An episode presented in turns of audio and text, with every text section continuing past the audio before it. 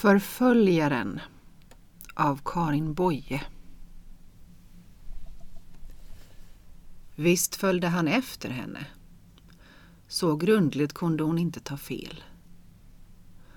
Om hon bara hade vågat vända sig om och se på honom, bara se hur han såg ut. Feg eller brutal, stor och grov och farlig eller liten och ettrig. Men hon vågade inte, för då måste han ju ta det som en uppmuntran. Istället gick hon bara fortare och fortare. Till slut började hon nästan halvspringa, ända tills hon kom ut på en bredare gata där det ännu fanns gott om människor trots den sena timmen. Där saktade hon åter stegen eftersom hon ju var tvungen att gå som folk här där man kunde se henne. Men hela tiden kände hon att han var med. På ganska långt avstånd visserligen, men han hade inte tappat bort henne. För att pröva hur det förhöll sig svängde hon om hörnet när hon kom till en mindre upplyst sidogata. Ett ögonblick stannade hon och lyssnade. Allt var stilla. Hon fortsatte några steg och stannade igen. Lika tyst. Sakta, dröjande, med så lite buller som möjligt för att höra bättre, drog hon sig uppåt gränden. Då var det där igen, nästan tystare än hon själv, nästan som en fläkt, långsamma steg, liksom tvekande. Hon ville stanna för att höra om hans steg också stannade. Men samma dumma rädsla som nyss hindrade henne på nytt. Om hon nu till exempel blev stående framför de nysatta vildvinsplantorna för att se hur de hade växt, då skulle han ögonblickligen inte bara genomskåda att det var en förevändning för hennes nyfikenhet, utan också ta det som ett tecken på tillmötesgående. Och det ville hon inte riskera. Andfådd med klappande hjärta fortsatte hon, här där hon ingenting hade att skaffa. Hur kunde hon veta att han var något att vara rädd för? Hur kunde hon veta om det överhuvudtaget var en han? Men hon visste det. Kanske hon utan att veta det hade fångat en skymt av honom innan hon ännu hade blivit uppmärksam på att han förföljde henne. Vem det än var undanbad hon sig förresten allt sällskap just ikväll. Plötsligt kom hon på en lysande idé. Hastigt, som om hon glömt något, vände hon helt om och skyndade samma väg tillbaka. Och innan förföljaren lyckades komma in i skuggan av en portgång hade hon redan hunnit uppfatta en glimt av honom. Ja, det var en man. Inte särskilt storväxt så vitt hon kunde se, snarare liten och spenslig och med kläder som såg fattiga ut. Hennes ängslan blev mindre. Ingen stor stark buse alltså, som kunde kasta sig över henne när de blev ensamma. Men en fattig man, inte en välklädd flickjägare. Samtidigt som han därigenom blev mindre att räkna med liksom, gick det lustigt nog en våg av sympati genom henne. Som om de båda på något sätt delade samma öde. Hon, den välklädda unga flickan och han, den fattiga lille mannen. Båda hörde i alla fall till de förorättade i världen. Framförallt var det kanske ändå en annan sak som lättade hennes hjärta. Hon hade trott att det möjligen kunde vara någon annan. Men varför skulle denna okände förfölja just henne? Hon var inte särskilt vacker, elegant visserligen, men inte uppseendeväckande, inte märkvärdig på något sätt. Och hela tiden hade hon gått mycket fort, inte som en gatflicka med inbjudande ögonkast åt höger och vänster. Minsann, var man ute i sådant ärende som hon så såg man sig knappast om efter dem man mötte. Kanske han trots allt var en bekant. Eller kanske en sinnessjuk. Hon måste över bron till stranden mitt emot. Den låg i mörker och var folktom så här dags på dygnet. Hon kastade en prövande blick dit bort. Ja, där syntes ingenting i den djupa skuggan. Man kunde komma dit på en omväg också från andra sidan. Det var bättre, det skulle förvilla honom. Och hon hade inte kommit långt på sin väg förrän hon märkte att det var det rätta. Nu hade han försvunnit. Hon hörde inte mer några tysta steg bakom sig. Äntligen, äntligen var hon framme. Alldeles ensam, osynlig för staden där borta, stod hon framme vid stranden där några klipphällar sköt ut i djupt vatten. Nu skulle det alltså ske. Smärtsamt tydligt såg hon hur vackert de höga husen på stranden mittemot skimrade i nattljuset. En svag återglans från himlen som ännu inte hunnit bli riktigt sensommarmörk och små reflexer nerifrån av gatlyktorna och smågatorna svepta i mjukt sammetsbrunt mörker. Jorden var mycket, mycket vacker. Men vad hjälpte det när man var olycklig som hon? Hon var rädd när hon tänkte på hur det skulle vara att inte få luft. Men det gick nog fort över. Det prasslade under träden. Hon ryckte till och såg ditåt. Där i skuggan stod en människa. Hon kunde svära på att det var samme man som följt efter henne. Och han hade hunnit före henne dit och stod och väntade. Jag visste att jag skulle träffa er här, sa han stilla. Tydligen var han utlänning, ty han talade med stark brytning. Men det var en låg, lugn, vänlig röst, en sån som inte verkade skrämmande i sig själv. Även om han var sinnessjuk så kunde han ju vara en vänlig själ för det. Hon önskade honom bara så långt vägen räckte. Gjorde ni det? sa hon avvisande, ointresserat. Hon ville visa honom att hon inte var rädd för honom. Och nu var det verkligen sant också. Det där andra som hon hade framför sig upptog henne för mycket för att hon skulle tänka på att vara rädd. Han steg fram ur skuggan. Ljuset var i alla fall för svagt för att hon skulle se mycket mer än ett par stora ögon i ett smalt ansikte. Jo, hon anade också hans drag snarare än hon urskilde dem. Allvarliga, förandligade, med spår av mycket svårt som han hade genomgått. Ja, fortsatte han med samma starka brytning, fast han för övrigt talade flytande nog.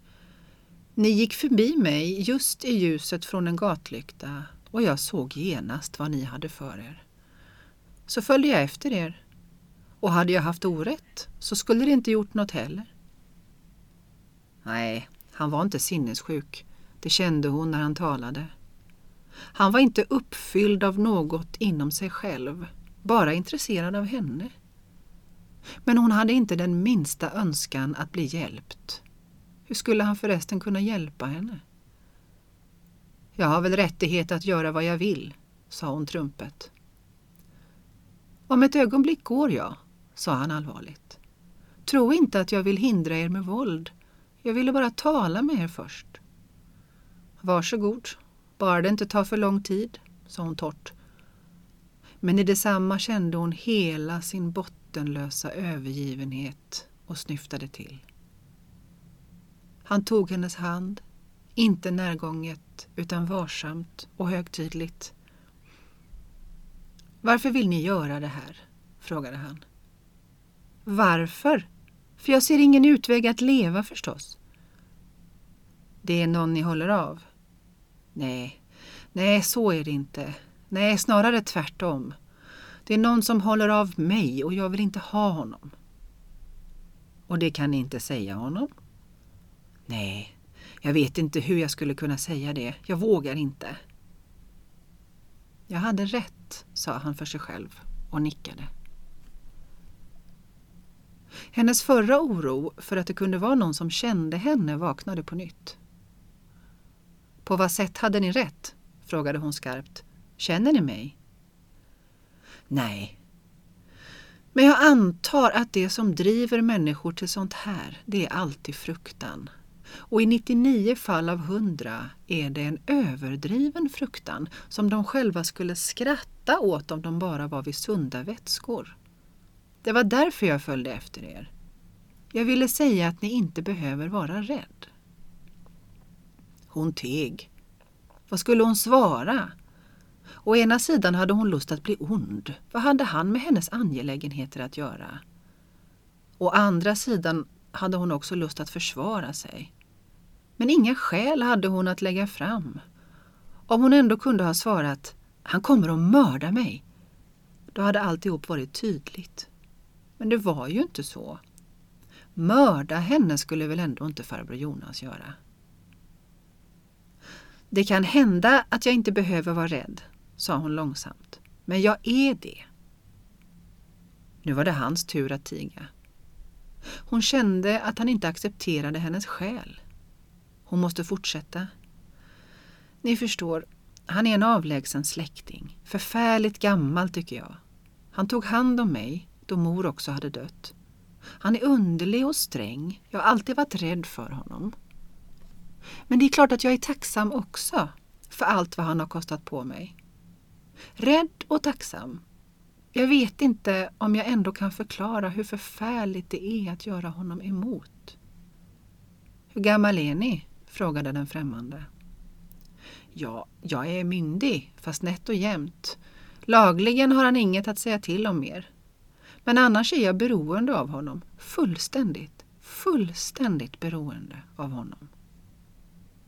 Fullständigt, sa den främmande tankfullt. Ekonomiskt då, om ni föredrar det. Gör jag honom emot kan han kasta ut mig på gatan vilken dag som helst. Då får vi sällskap då, log mannen. Jag går brandvakt för tillfället, som det kallas. Det är rätta årstiden nu kan jag säga er. Om vintern vore det värre. Hon ryckte till och såg på honom. Hittills hade hon knappast tänkt på hur han kunde ha det. Samtidigt som hon skämdes en smula. För han måste ju tycka att hon klagade i onödan när hon hade det så bra. Ångrade hon sitt förtroende? En som levde i yttre misär kunde bestämt aldrig förstå en människa som led i sitt inre. Han tyckte förstås bara att hon skulle ta farbror Jonas och därmed punkt. Mat och husrum måste ju hägra som livets högsta goda för en sån stackare som inte hade dem. Ni tycker nog att jag är ryslig som inte är tacksam för vad jag har, sa hon, halvt ängsligt och halvt försmädligt. Jag tycker bara det är synd att ni är så rädd. Ni har ju inget att vara rädd för. Ni kan få arbete när som helst. Vad då för arbete, sa hon. Som hembiträde kanske? För min fortsatta utbildning skulle farbror Jonas ha bekostat. Annars blir det inget av med den. Varför inte som hembiträde? Ni har hela livet för er och då är ni fri. Är ni så rädd för det arbetet att ni hellre dränker er? Ja, jag har ju egentligen fått en annan utbildning, stammade hon häpen. Förresten, tillade hon hastigt, det är inte själva arbetet som skrämmer mig. Det skulle jag nog klara. Men alla våra bekanta, vad de skulle säga, det kan ni nog inte tänka er ens. Ni tycker väl att jag är feg. Och det är sant, jag är feg. Så fort någon säger något ont om mig så blir jag ifrån mig. Allra minst vill jag att farbror Jonas ska säga något ont om mig. Jag vill inte ha honom, men jag vill att han ska tycka om mig. Alla ska tycka om mig. Hon insåg att vad hon sa måste verka rysligt dumt. Och kanske var det det. I plötslig förtvivlan över denna trassliga härva övergick hon till offensiven. Vad är ni själv då? Frågade hon med oväntad häftighet. Lärare, svarade han och ryckte på axlarna. Akademiker, historiker och filosof. Men det är länge sedan. Nu är jag bara en flykting. Men vad gör ni? Vad lever ni av? Jag gör ingenting. Jag får ju inte, sa han lugnt. Och jag lever av understöd. Men jag lever i alla fall. Det stack till i henne. Vilket var bättre? Att ställa stora anspråk på livet som hon och kasta det ifrån sig av något skäl som andra kanske tyckte var obetydligt. Eller att som han vara så anspråkslöst nöjd med vilken tillvaro som helst. Till och med en där man inte fick arbeta och där man levde på understöd. I alla fall gick det ju inte an att visa sig alldeles utan medlidande. Så hon sa, det är många som har det så nu för tiden. Och många som har det värre också. Han nickade allvarligt och tyst och hon såg hans stora svarta ögon öppna och sluta sig som om han såg syner. Jag har hört och sett förfärliga saker, sa han stillsamt. Jag har sett hatet som gör människorna värre än vilddjur och bakom hatet har jag alltid, alltid sett den stora rädslan. Rädslan är det som gör människorna onda. Vore vi inte så rädda skulle vi inte göra så mycket ont. Är det verkligen många som är så rädda? frågade hon tankfullt. Jag har alltid trott att det bara var jag. Alla, alla är rädda, sa han och skakade på huvudet. Det går som en smitta över jorden. Hur skulle rädda föräldrar kunna uppfostra annat än rädda barn? Och vilken lära som nu går fram bland människorna är inte full av fruktan och skydd mot fiender och hat mot fiender och mest av allt skydd mot att någon skulle tro att man är feg. Hela luften är förgiftad av rädsla. Hon förstod inte riktigt hur han menade, men hon tyckte om att höra honom tala. Hans röst var så lugn, fastän sorgsen. Det var som om han berättade sagor för henne, hemska sagor och ändå vackra att höra. Hon skulle vilja att han tog henne i hand igen. Inte därför att han var man och hon kvinna, utan därför att hans närhet lugnade henne som om han varit hennes far eller mor. Hon blev trygg då hon hörde honom. Men från var människa, fortsatte han, som har kommit ifrån sin rädsla, om också bara en liten del av den, går det ut läkedom. Ni vill att man ska vara modig, sa hon dröjande. Nej, kom det energiskt. Jag vill inte att man ska vara modig. Jag avskyr ordet mod därför att det har blivit så missbrukat. Används det inte alltid av sådana som jämt och samt behöver visa sig själva att de inte är fega? Men behöver man visa det så är man rädd. Hjältemod, heroism, det är oftast andra namn på samma gamla rädsla. Den naturliga, självklara friheten från fruktan är tyst och utan åthävor. Nu tyckte hon nästan att hon började förstå honom. Men inte genom vad han sa, utan genom hans röst, hans väsen. I början hade hon gripits av medlidande med hans fattiga liv samtidigt som hon föraktat honom för hans avsigkommenhet. Nu kunde hon inte längre göra någotdera. Hon var bara glad åt att han fanns där. Hon stod tyst och hörde hur det susade i träkronorna över dem. Suset var inte likgiltigt och främmande. Det var vänligt och vänliga var också de kluckande vågorna och de stora husen på andra stranden i sitt underliga ljus. De ville henne väl, så som han ville henne väl. Hela tiden hade han talat lågt och stilla. Nu sjönk rösten och blev nästan svår att höra. Det var bara därför jag följde efter er, för att jag ville säga er detta. Mig har ju ödet gjort mycket ont så som alla andra ser det.